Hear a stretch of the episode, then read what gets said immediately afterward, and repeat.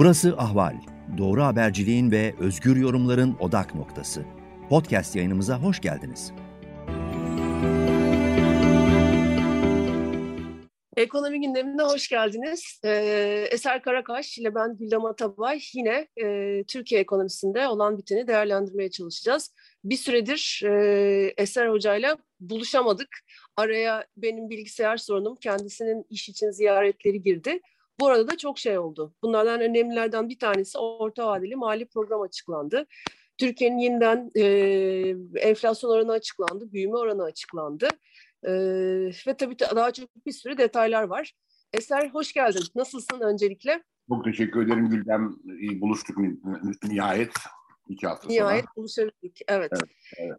Ee, ya orta vadeli mali programdan başlayabiliriz. Ee, orta vadeli programdan başlayabiliriz. Diğer rakamlardan girebiliriz. Senin aklında bir ajanda varsa şu bir iki üç haftada ön plana çıkarmak için konuşabiliriz. Ama hani bir girişgah yaparsak e, Türkiye'nin enflasyonu düşmüyor, yükseliyor aksine.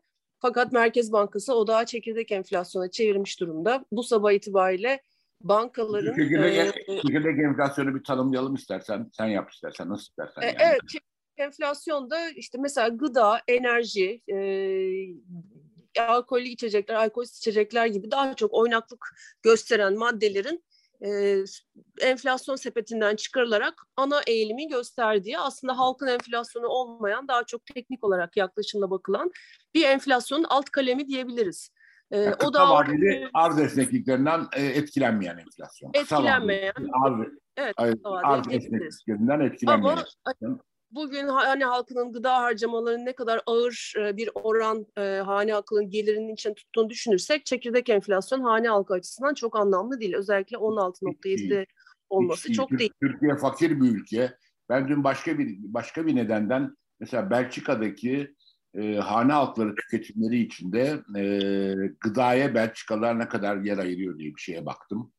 Başka bir başka bir konuyla ilgili aşağı yukarı yüzde yedi buçuk gibi bir şey ayırıyorlar. Türkiye'de üç gibi bu oran. Buna alkollü içecekler dahil yani bira, bira gibi evet. Belçika'nın çok şeyi. Bizde e, hatta onu, onu da çıkarırsan yani alkollü içecekleri de dışarıda bırakırsan yüzde beş Belçika'da e, şey aşağı yukarı evet. tüketici gıda tüketimi. Evet. E, şey, gıda tüketimi. E, Türkiye'de bu çok yüksek yani çünkü Belçika... Üçte biri diye biliyorum ben. Tabii, Üçte biri tabii, halka tabii, harcamalı. Tabii, tabii, tabii, tabii. Belçika'da kişi başına gelir 55 bin, 50 e, bin euro. 50 bin euro. Evet. Türkiye'de ne kadar e, euro cinsinden yaparsan yani 7, 7 bin, 7 bin küsur euro civarında Türkiye'de. Düşün evet. bak arada yani aşağı yukarı 7 kat fark var. Peki Merkez Bankası bu söylemi niye yaptı? Çünkü politika faizi yüzde 19'da. Cumhurbaşkanı Erdoğan bunu indirmeye istekli ama birkaç aydır yaz başından beri televizyon programlarında isteğini belirtmesine rağmen Merkez Bankası yaz sonundan sonra yıllık enflasyona düşme olacak o zaman diye mesaj vermiş anladığımız. O da, düş, o da Fakat gerçekleşmedi. Düşmezsen düşürürüz dediler yani böyle bir şey. Düşmezsen düşürürüz.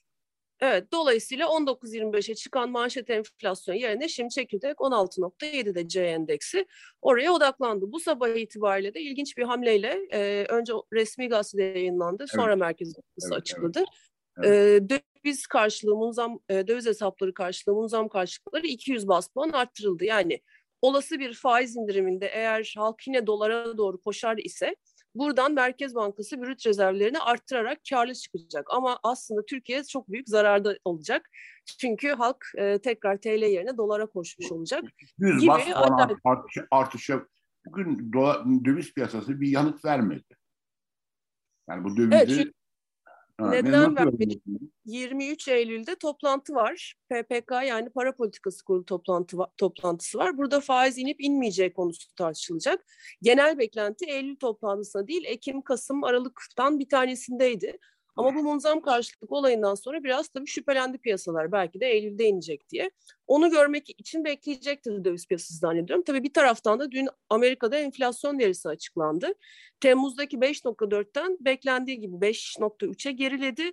Çekirdek enflasyonu Amerika'da 4.3'ten 4'e kadar geriledi. Bu da hani zirveden bir dönüş olduğu yönünde bir beklenti yarattı. E, dolar endeksi de küresel ölçekte biraz gevşedi. Onun da avantajı var. Evet, evet, evet. Yani, yani bütün bunlar geldi. Bu arada Ee, bu arada neye bakıyoruz? İşte bu arada biz büyüme oranında yüzde 21.7 ikinci çeyrek büyüdüğünü gördük ama aslında bu büyük bir baz etkisi yani geçen senenin daralmasının etkisi. Ee, büyüme tarafında da aslında ilk çeyrekteki 1.2'lik büyüme bir önceki 2020'nin son çeyreğine göre aslında ikinci çeyrekte 0.9'a yavaşlamış durumda. Gelen verilere göre de üçüncü çeyrek, dördüncü çeyrekte bir eksi büyüme bir önceki çeyreğe göre görmek olası. Buna da resesyon deniyor zaten. Türkiye ekonomisi bir de öyle bir e, sarmalın içinde. Bir taraftan orta vadeli plan çıktı. E, buradaki plana göre Türkiye yaklaşık 5-5,5 oranında büyüyecek. Enflasyon o Merkez Bankası'nın beklentisi 14.1 referans alınmamış bu sene son için. 16.2 referans alınmış. Arkasından da hızla e, düşecek ama yine 8'lere 7'lere kadar düşecek. Türkiye ekonomisi %5,5 büyürken ortalama plana göre e, cari açığın gayri safi milli hasılaya oranında %1'e kadar gerileyecek. Şimdi bunlar tutarsız rakamlar. E, neden? Enflasyon tarafı bu sene 16 hadi diyelim ki gördük, görebildik onu ki biraz kolay gözükmüyor. Yüzde yedilere sekizler biraz hayal. Türkiye ekonomisinin büyüme potansiyeli yüzde üç üç buçuğa çekilmiş durumda. Ee, yanlış uzun süreli yanlış yatırımlar sonucunda. Dolayısıyla yüzde beş beş buçuk büyüme elde etmek için çok zorlamak gerekiyor. O zorlandığı zaman enflasyon yükseliyor, cari açık yükseliyor. Dolayısıyla hani orta vadeli planın da çok bir e, çıpa olma özelliği yok. Hani bunlar büyük makroekonomik resim. Bir de tabii içinde e, çok daha farklı tartışmalar var her gün içinde kaybolduğumuz, yaşadığımız. Ben burada susup sözü, sözü sana bırakayım Eser. Sen neleri vurgulamak ben istersin? Ben her dakika daldım senin sözün içine. Onu da Çok güzel yani yaptın. Sözünü sana bırakayım. Biraz kinayeli geldi bana. yok yok hiç kinaye yok. Şaka Ay, bunlar başlıklar senin dikkatini çekenler daha e, detay ve çok aslında önemli kural ihlalleri oluyor. Ya yani Türkiye... bir, bir, bu orta vadeli planla ilgili e, programla ilgili orta vadeli programla ilgili Valla ne diyeyim bilemiyorum. Ben e, kaç yaşıma geldim e, Türk ekonomisini. En azından 45 yıldır izliyorum. En azından. E, yani üniversiteyi bitireli benim kaç sene olmuş? 43 sene olmuş. Üçüncü sınıf desem yani. Üçüncü sınıftan beri Türkiye ekonomisi dersi almıştım. Çünkü çok güzel bir Türkiye ekonomisi dersi. E, üçüncü sınıftayken Boğaziçi'nde. E, e, işte aşağı yukarı 45 sene eder. O zamandan beri izliyorum. Hep mesleğin içindeyim çünkü. Böyle bir bunda ciddiyet yok bu programların. Çünkü şeylerden e, yani eğer biraz fikri takibin güçlüyse bu kavramı severim ben fikri takip kavramını. Yani bunlar şimdi 2000 kaç iki bu 22 24 mü bu şimdi bu orta vadeli program? 22 24. E, işte 22 24. E şimdi Allah e, ömür verirse şimdi 20 25 sene 24'ün sonunda bir program daha yaparsak seninle Açalım bakalım bu, bu programın ne kadar tutmuş. Göreceksin ki yani hiç yapmasalar da hiçbir şey değişmiyor. Peki bir sorun var. Devlet planı şunu, şunu, varken. Şunu bayılıyorum. Şimdi o be, yani büyümeyi beş buçuğa koyuyorlar. Böyle gidecek. ya bu ne kadar gayri ciddi bir şey ya. Bu ne kadar gayri ciddi bir şey. Bu arada yani. şunu da bakalım ben o üç buçuk rakamını böyle kafamdan atmadım. Bunu IMF'nin e, en son dördüncü gözden geçirme raporunda Türkiye ile ilgili kendi tahminleri var uzun vadeli. 2021 baz yılı etkisinde 2022, 23, 24, 25, 26 için yüzde üç buçuk civarında sabit tutmuş. Evet, Bizim diğer ee, beş diyorlar. E sonra olmadı üç buçuk oldu diyorlar. Hep şimdi bu böyle gırgır bir şey olabilir mi ya?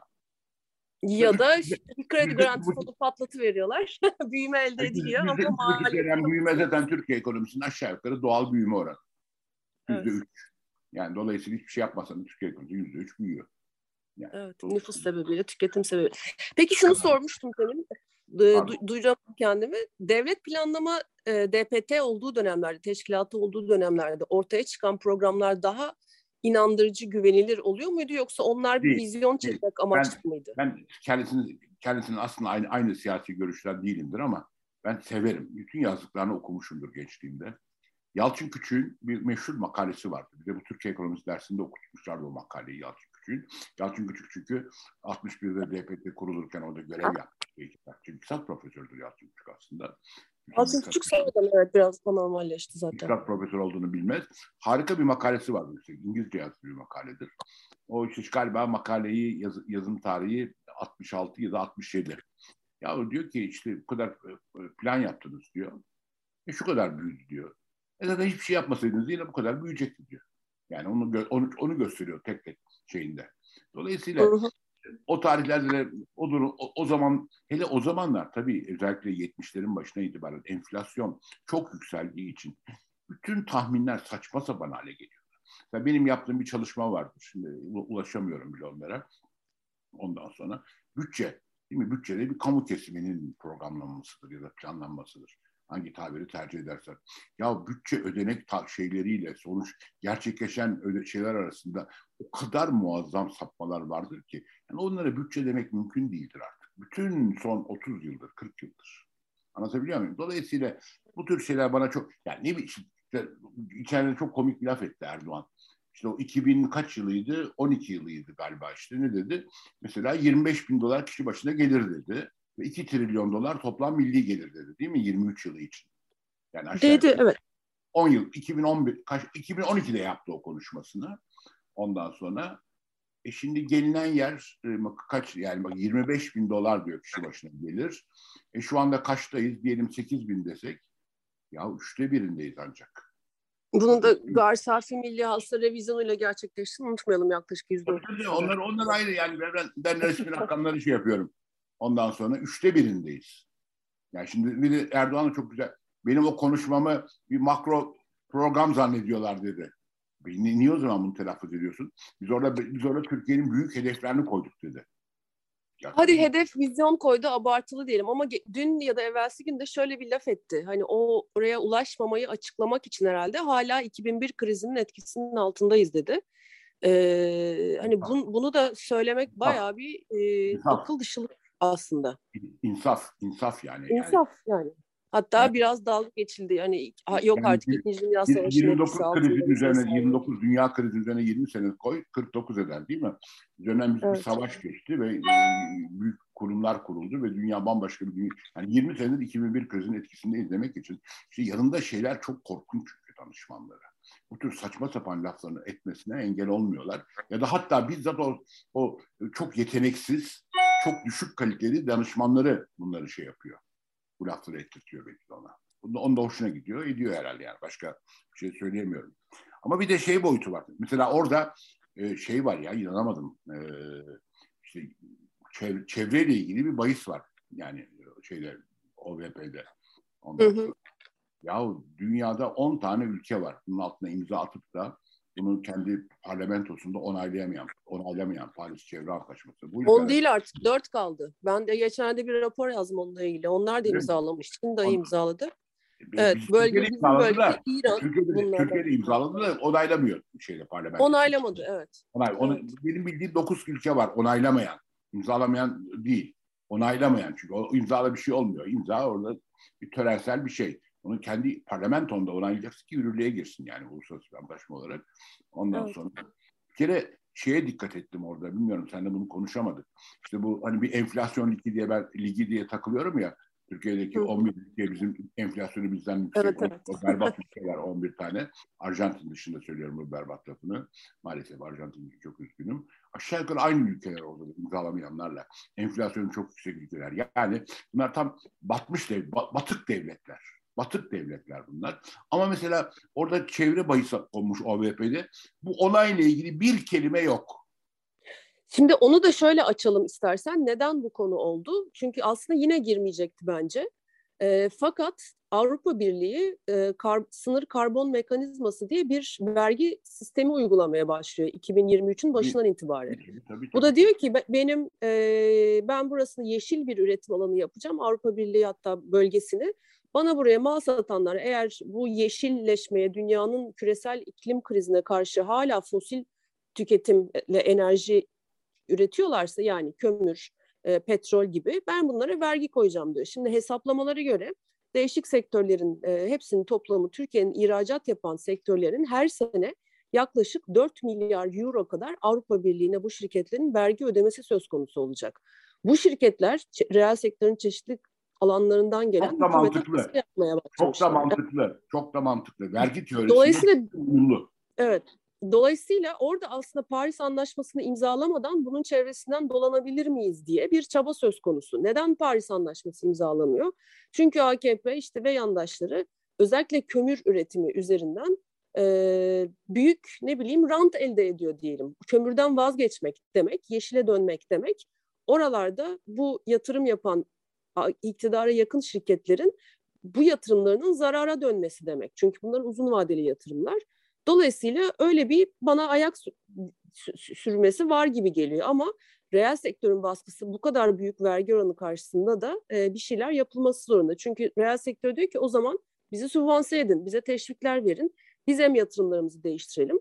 Bir taraftan da dünyada bir green e, tahvil, yeşil tahvil ihracı dalgası var. Canım, yeşil Bu, merkez bankacılığı diye kavram çıktı ya. Yeşil merkez, dolayısıyla yani Türkiye bunları ıskalıyor ama böyle ıskalamazmış gibi yapmak için de OVP'ye işte bir paragraf, iki paragraf gibi bir şey koymuş. Ama orada İçine da, ama şey, şey yok, yok orada da yani. Biz bunu imzala, biz bunu onaylamadık yok onun içinde. Yok yok sadece sorayım. bundan işte yeşil bir mutabakat için bir çalışma kurulu kurulmuş yine Cumhurbaşkanlığı ile bakanlıklar arasında. Biz bunun araştırmasını yapacağız diye bir söz var. Yani zaten hani ortada bir sürü gerçek var. Hani artık neyi araştıracaksın de denebilir. Ee, daha artık pozisyon hani imzalayacaksın e, Paris Anlaşması'nı onaylayacaksın daha doğrusu.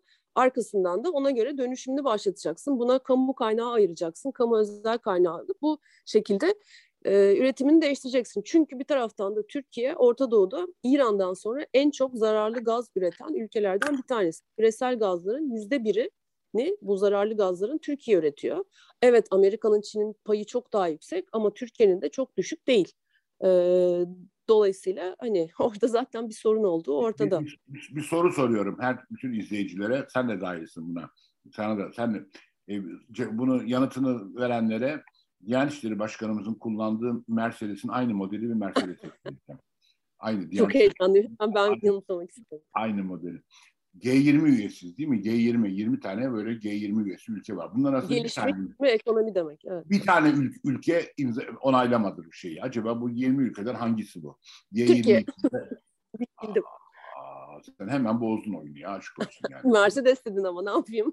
Hem Diyanet İşleri Başkanı'nın Mercedes'i dedin. Havuç büyük. Deyince sen de dayanamadın yani. Haklı olarak dayanamadın. Keşke Ali Erbaşar'ı söyleseydi. O zaman o helal olsun kullandığın araba derdik. yani, yani ben de bilmiyorum. Ee, yani şimdi bir de tabii Diyanet İşleri Başkanlığı'nın şeyini bu da şaka, olsun, şaka olsun diye söylüyor gibiyim ama değil. Yani şimdi ekonomi konuşuyoruz. İşte faizler ne olacak, çekirdek enflasyon mu, manşet enflasyon mu falan bunlar konuşulurken Türkiye çok çok kötü bir yere gidiyor. Layık Türkiye ciddi bir şekilde layıklığı konuşuyor. Evet, bir, bir taraftan büyük bir kaynak Diyanet'e böyle sanki şehir İslamlık yaratılmak isteniyormuş. 16,5 16,5 milyar TL evet. Ha, ekonomik de bir şey çünkü bu. 16,5 milyar TL. Evet, hani sağlık eğitimin aldığı paylar ya da araştırma geliştirmeye aktarılan paylar hani robotlaşma var dünyada yapay zeka ediliyor çok büyük e, yatırımlar gerekiyor bunlar için çok büyük eğitim değişiklikleri gerekiyor yani kaynak gerekiyor sadece şu yeşil dönüşüme bile ama hayır biz Diyanet İşleri'ne işte bunu aktarıyoruz bir taraftan da işte yargı açılışında e, kendisinin de rol aldığını sonra da her konuda e, bir söz hakkı olduğunu düşünerek konuştuğunu görüyoruz. E, dün iktidarın ortağı Bahçeli'den bir uyarı geldi aslında ilginç bir şekilde. Hani bu, laiklik bizim kır, hani vazgeçilmezimizdir. Bir taraftan da e, böyle her konuda fikir beyan edilmesi, fetva verilmesi doğru değildir gibi. Yani aralarında bir tartışma var demek ki. Burada Ama bir toplum Müslümandır dedi. Evet yani o, onu zaten geçiyorum hani o doğru Böyle değil. saçma sapan bir laf olur mu? Bizim bir sürü evet. Hristiyan vatandaşımız var. Ne demek yani? Toplum Müslümandır diye bir şey olabilir mi? Değil. Zaten yani cümlesinde diğer kavramlar da aşındı. Nüfusun çoğunluğu Müslümandır. Toplum Müslümandır diye bir laf olur mu ya? Evet. Ne demek yani? E bizim peki o kadar Ermeni, Rum, işte Musevi vatandaşlarımız, kendini Diyanet'in gördüğü gibi Müslüman tanımlamayan vatandaşlarımız var. Milyonlarca. Ay, ateistlerimiz var. Bu, Ateistler yani, var. Tabii. Evet. Tabii yani. Var da var. Korkunç bir şey yani. Neyse. Anadolu burası ya. Evet. Hani Diyanet'in 136, anayasa 136. madde çiziyor görevini. Ve böyle başlıyor 36. 136. madde anayasanın her türlü siyasi görüşün dışında kalarak diyor. Şimdi yaptığı evet. şeyin çok açık söylüyorum bunu. Hiç kimse alınmasın, kızmasın. Profesör doktor nasıl bir profesörlükse bu. Ali Erbaş'ın e, yaptığı çok ciddi anayasa ihlalidir. Ve Kızı yani, yani alınacak bir şey yok buna doğru. Ciddi bir anayasa suçudur ve bu bir şekilde bunun müeydesi uygulanacaktır bir gün. O bir gün de çok bir uzak. Gün, evet. Hayır şimdi bir de ya şimdi çıkıyorlar etrafa diyorlar ki mesela layıklığı anayasadan çıkarmak için işte bir şey. Anayasa şey yapıyoruz. Ya kardeşim orada anayasanın dördüncü maddesi var. Bunu öneremezsin bile. Bak, bak hiçbir şeye benzemez. Yani anayasanın dördüncü maddesini yok saymak. Ceza usul kanununun bilmem kaçıncı maddesini yok saymak gibi bir şey değildir. Onu saydın ne oldu? İşte şey hiçbir hakkında ne, ne suçlama olduğu bile belli olmayan Osman Kavala'yı tutuyorum içeride.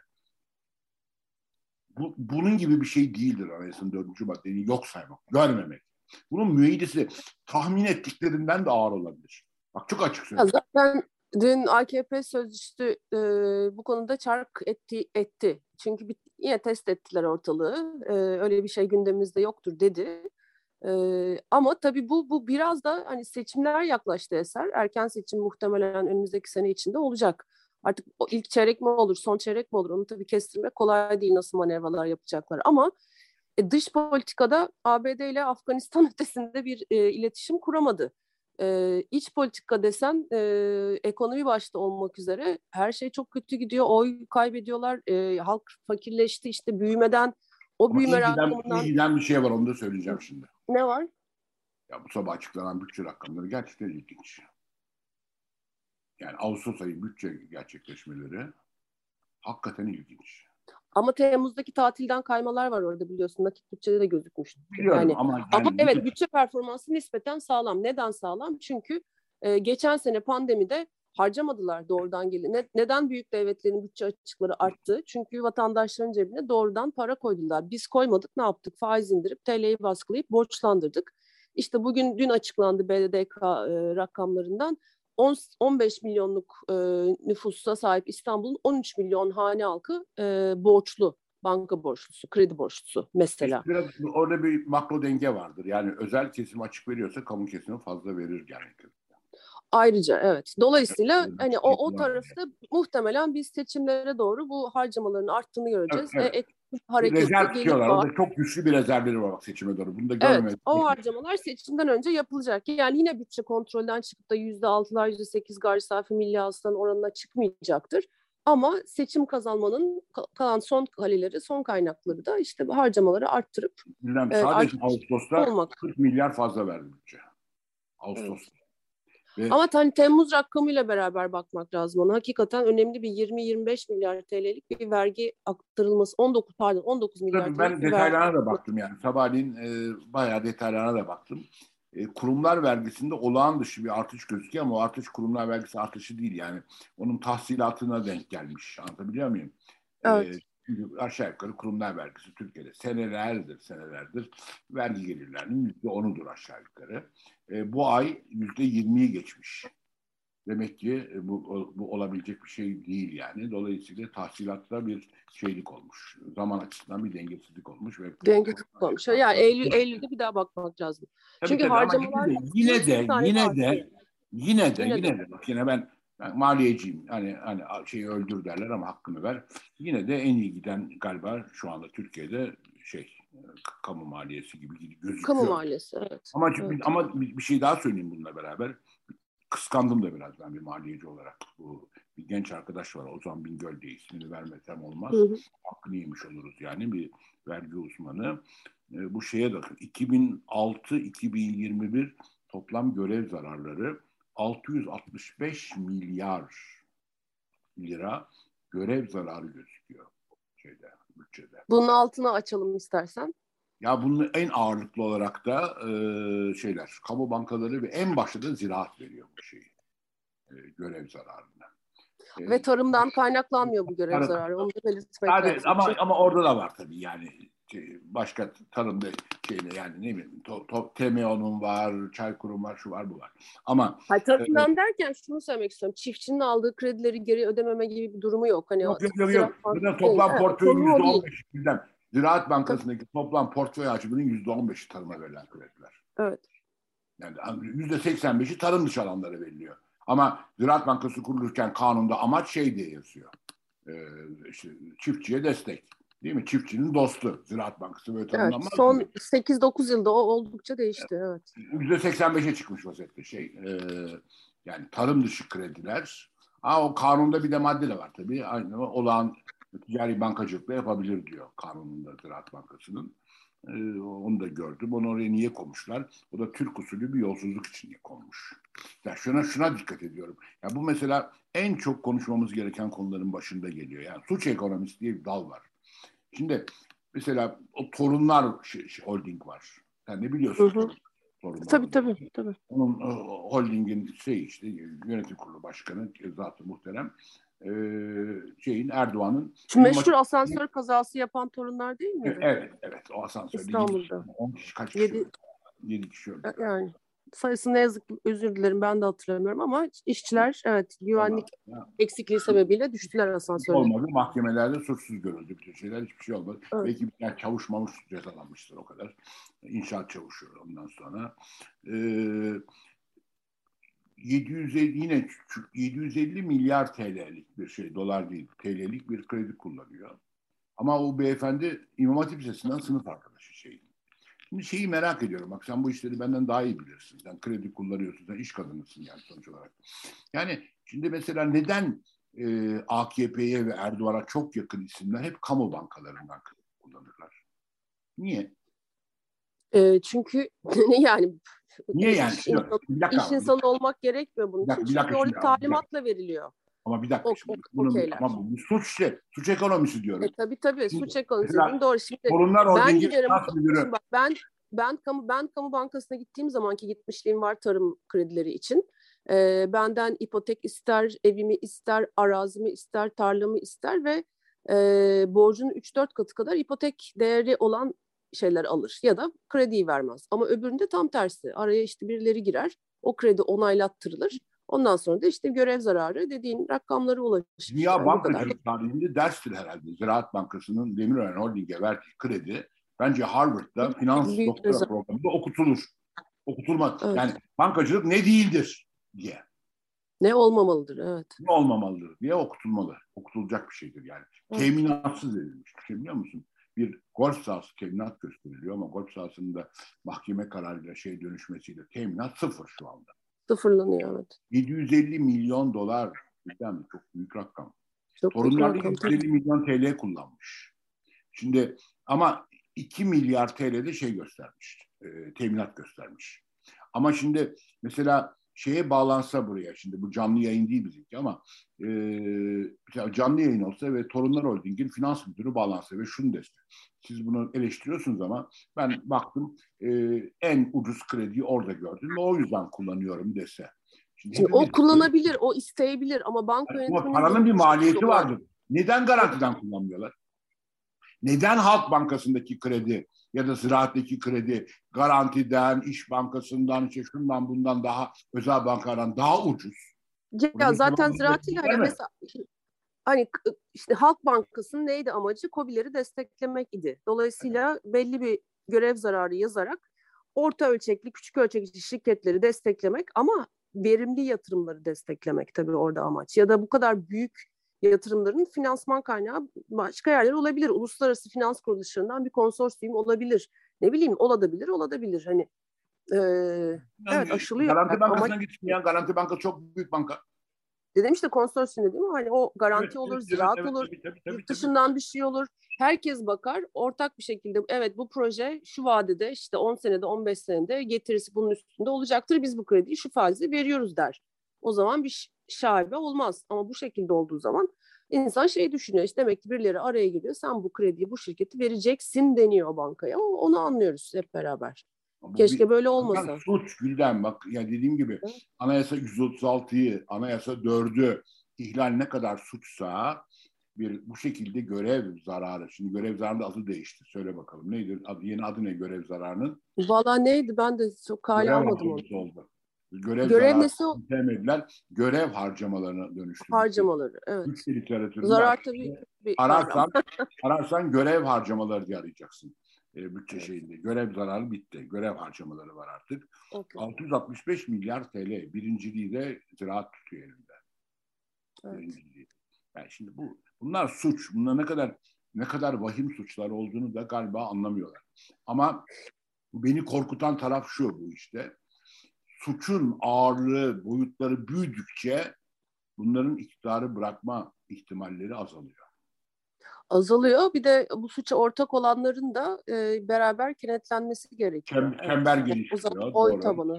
Çember geliştiriyor. E, oluyor. E, birileri suç işlememiş dahi olsa bundan yararlanıyorlar dolaylı olarak falan. Tabii Ortada tabii. Büyük, çok büyük bir suç şeyi olur. Ya Eser zaten şimdi bunun önümüz dediğim gibi seçim ya da erken seçim. Hani anketlerin gösterdiği şekilde giderse hakikaten iktidar değişirse iki önemli ana koldan gitmek gerekecek. Bir tanesi hani Türkiye'nin kurumlarının bütün her şeyinin baştan yapılanması. Diğeri de çok büyük bir ekibin son işte 10-15 senenin yolsuzluklarını ortaya çıkarmak için ya yoluna uydurulan yolsuzluklarını ortaya çıkarmak için büyük çaba sarf ederek bu tür artık en büyüğünden en küçüğüne kadar mahkemeleri götürmesi gerekecek bu işleri. Bu işlerin temizlenmesi gerekecek. Yani biraz zor gibi gözüküyor. Yani ne zor gibi mesela, gözüküyor. Yani mesela şu Ziraat Bankası'nın Demirören şey, şeyine dört kolla sarılmıyor CHP. Yeri göğü oynatırım ben ya. Ya işte her gün Türkiye'de yeri göğü oynatacak ayrı konu çıkıyor da o yüzden herkes Mesela işte bu en şey korkunç. Üstelik evet. bütün CNN, Hürriyet, şudur budur yani piyasayı denet. Bütün siyaset piyasasında manipüle ediyor böylece şey. Ee, evet. bu aldığı şeyle. Ondan tabii tabii. Yani Demirören, Demirören'in kuruluşundan beri kanlı bir şey, şeydir orası, holdingdir. Yani meşhur. Evet. Onu konu etmiştin sana. Evet. Papadopoulos evet. ailesini yani Afroditi Papadopoulos kadının adı, Yorgo Papadopoulos e, yaşlı adam yani kocası Afroditi'nin arşivministi şirketler ondan sonra ve yakılarak öldürüldüler. Yani önce öldürüldüler sonra yakıldılar Bakırköy'de. Bunun arkasında ve o anda o şirket arşivministin küçük ortağı vardı. Bir, ismini unuttum şimdi ama işte şu anda galiba oğlu o bilgi sahibi Ondan sonra isim vermeyeyim. Ondan sonra e, şey e, ne soruşturuldu, o cinayeti kimin işlediği ortaya çıkmadı, hiçbir şey olmadı. Ama o küçük ortak bütün o e, yakılarak öldürülen, yani öldürüldükten sonra daha doğrusu yakılan o iki kişinin bütün hisselerine el koydular arşivimizde. Muazzam. Öyle yani bu benim bilmediğim bir geçmişiydi. Ben senden duyup okuyup hani iddiaları öğrenmiştim. Çünkü bir sonuca ulaşmamış ama çok daha yakın tarihe bakarsak işte e, Hürriyet Gazetesi'nin el bugünkü, değiştirme süreci bugünkü bile. Demirören Holding'in sermaye birikim kaynağıdır orası. Öyle evet öyle hani oradan itibaren hani zaten yürüyor gidiyor ama hani e, Aydın Doğan'dan e, Demirören ailesine geçiş süreci bile son derece tartışmalı zaten hani o bile. Tabii ya tabii ee, tabii tabii hangi bir fiyatla o, o 750 milyon dolar acaba e, bunun piyasa değeri o muydu yoksa mecbur mu tutuldu? Yani, ya da neden durup dururken bu işe girişti, sattı? Evet, hani. yani, evet adam niye adam çok mutluydu gazetecilikten. Neden evet. çok mutlu vardı. Bunu da kendine bir şey yapmıştı yani. Hem Türkiye'de bir sesini duyuruyordu. Yani nereye bakarsan bak suç ekonomisi ve şeyi her tarafı sarıyor. Bütçe bugün en son bütçeyle ilgili bir şey daha söyleyeyim. Sonuna geliyoruz galiba sen programın. Evet, evet. Cari evet. cari transferlerde, cari transfer demek bütçe tekniğinde yani piyasadan mal ve hizmet satın almadan yaptığın harcama demek. Cari hı hı. Transfer tabiri bu. Yani ne bileyim ya, memura memur maaşını öderken e, bir hizmet satın alıyorsun memurdan. Onu ödüyorsun. Şudur budur. Öyle değil bu. Karşılıksız olarak devletin verdiği şeylerde. Evet, cari harcamalar değil, cari transferler bunlar. Cari transferler bunlar evet. Yani karşılığı olmadan. Yani bir mal ve hizmet satın almadan piyasadan verdiğin paralar. Ee, Ağustos 20 Ağustos 21 arasında 30 milyardan 40 milyara çıkmış. Önemli bir artış var. %36'ya evet. yakın bir artış var. Yani e, pardon 136 özür dilerim o şeylerle ilgili. Faiz Bunun alt kalemlerini görmek çok kolay olmuyor. Evet, ya, evet bunu göreceğim. Ama daha sabahleyin yayınlandığı için e, vaktim olamadı ama bakacağım yani onlara. Evet. O, da benim, o da benim işim. O, o da benim işim olsun yani. Ama evet. bir yazı beklerim senden öğrenelim biz de. Evet. Bütçeyi izlemek lazım. İlginç şey. Evet. Ama ya aslında önümüzdeki döneme Gülden iki konu konuşacağız. Laiklik ve suç ekonomisi. Şimdi onu diyecektim. Hani laikliği belki eklemezdim. Çünkü ben onu böyle bir poster çabası, böyle bir o mütedeyyin kesimi e, yakın tutma, o da mütedeyyin de demeyeyim de böyle daha e, evet, mütedeyyin deme, doğru, mütedeyyin, mütedeyyin deme. demeyeyim, yanlış, özür dilerim onun için. Daha siyasi böyle İslam. e, siyasi. radikal kesimi siyasi İslam. cazip gözükebilmek için, evet, siyasal İslam'a hoş gözükebilmek için e, bir artık seçim döneminde işte ekonomide orada burada başarı yok. Hani işte Ayasofya'yı camiye çevirip açmak gibi böyle hani karşılığı aslında çok da olmayan aslında bir çaba. Hani o biraz zor o iş. O, o işten döndürmek bu ülkeyi. Çok yanlış bir karardı ee, Ayasofya açmak. Ben çok çok. Ya çok bence de öyle. Hani orada ama o dediğin e, o dediğin ikinci kavram çok daha önemli. Hani biz burada de para suç politikasını konuşuruz. Suç ekonomisi, büyümeyi konuşuruz. İşte önümüzdeki hafta para politikası kurulu var. İşte bugünkü karardan sonra faiz indirdi, indirmedi, erkendi, geçti ne olacak konuşuruz ama büyük resim artık çok daha başka bir yerde. Suç ekonomisi var. Bu hani e, iktidar tarafından yönlendirilen, yönlendiği gözüken bir şekilde sürdürülmekte ve buna bir çözüm gerekiyor. Türkiye'nin kaynakları harcanıyor, zamanı harcanıyor. Ee, daha büyük kalabalıklar fakirleşiyor. Belli bir grubun zenginleşmesi e, karşılığında ve çok çok farklı bir yere gitti Türkiye ekonomisi. Hani bunları evet çok daha önemli konular bunlar. Büyük resim sanıyorum. Detaylar. Üniversite dışındayım ama eski bir üniversite öğretim üyesi olarak e, genç ve parlak arkadaşlara önerim var. Suç ekonomisi çalışsınlar iktisatçılar. Çok evet. önemli. Gelecek için en önemli konu olacak bu. Yeni bir konu da değil. Evet. Yani ünlü Gary Baker'ın aşağı yukarı e, ortaya attığı bir kavramdır. Yani 40-50 senelik bir hikayedir bu. E, ondan sonra e, ama sonra Gary Baker'dan çok aşıldı tabii Gary Baker'ın yazdıkları. Ama e, çok önemli bir konu ve Türkiye için de çok şey hayati bir konu. Bu konuda Evet çalışıp... ve Türkiye'de özel bir konu da değil bu. Hani bu dünyanın birçok tabii, tabii, e, hani her yerinde geçerli olan bir şey yani. Tabii tabii hukukun yani. hukukun aşındırılma sebebi iktidarlar tarafından bu. Bu bu kara tarafta yer alabilmek, e, hukukun o yüzden üstünlüğü önemli. Yani adalet mekanizmasının çalışıyor olması çok önemli. Bunun önüne geçebilmek için çünkü bu genç bir güdü iktidarların. Evet. Öğrencilerinize bu konuda doktora tezleri yaptırın. Genç arkadaşlar öneriyorum yani. Evet. evet. Son bir, bir dakika. Kaldı diye e, şeyden e, bizim yönetmenden şey geliyor, uyarı geldi. Evet. Bu hafta evet. için dinleyen herkese yine çok teşekkür ederiz. Eser katıldığın için teşekkür ederiz. Ben, Ali ben arka planda yardımcı olduğu için teşekkür çok ederiz. Araya girdim söz kestim özür diliyorum. Hayır hayır çok güzel. Her, her zamanki özürümü her zaman özür ciddiyetini kaybetti çünkü her, her, her haftada özür Ay, Ben biliyorum. Böyle ben ya heyecan o. Şey, yani konunun heyecan verici olması. Evet. Yani insan öfkeleniyor, heyecanlanıyor konuşurken. Neyse Öfkelen, toparlıyorum. Doğru, ben artık öfkeleniyorum yani. Doğru vallahi. Evet. Evet. Toparlıyorum. Haftaya yeniden görüşmek dileğiyle. Görüşmek üzere. Çok teşekkürler Gülden. Herkese bütün Sağlıkla kalın Eser'cim. Sen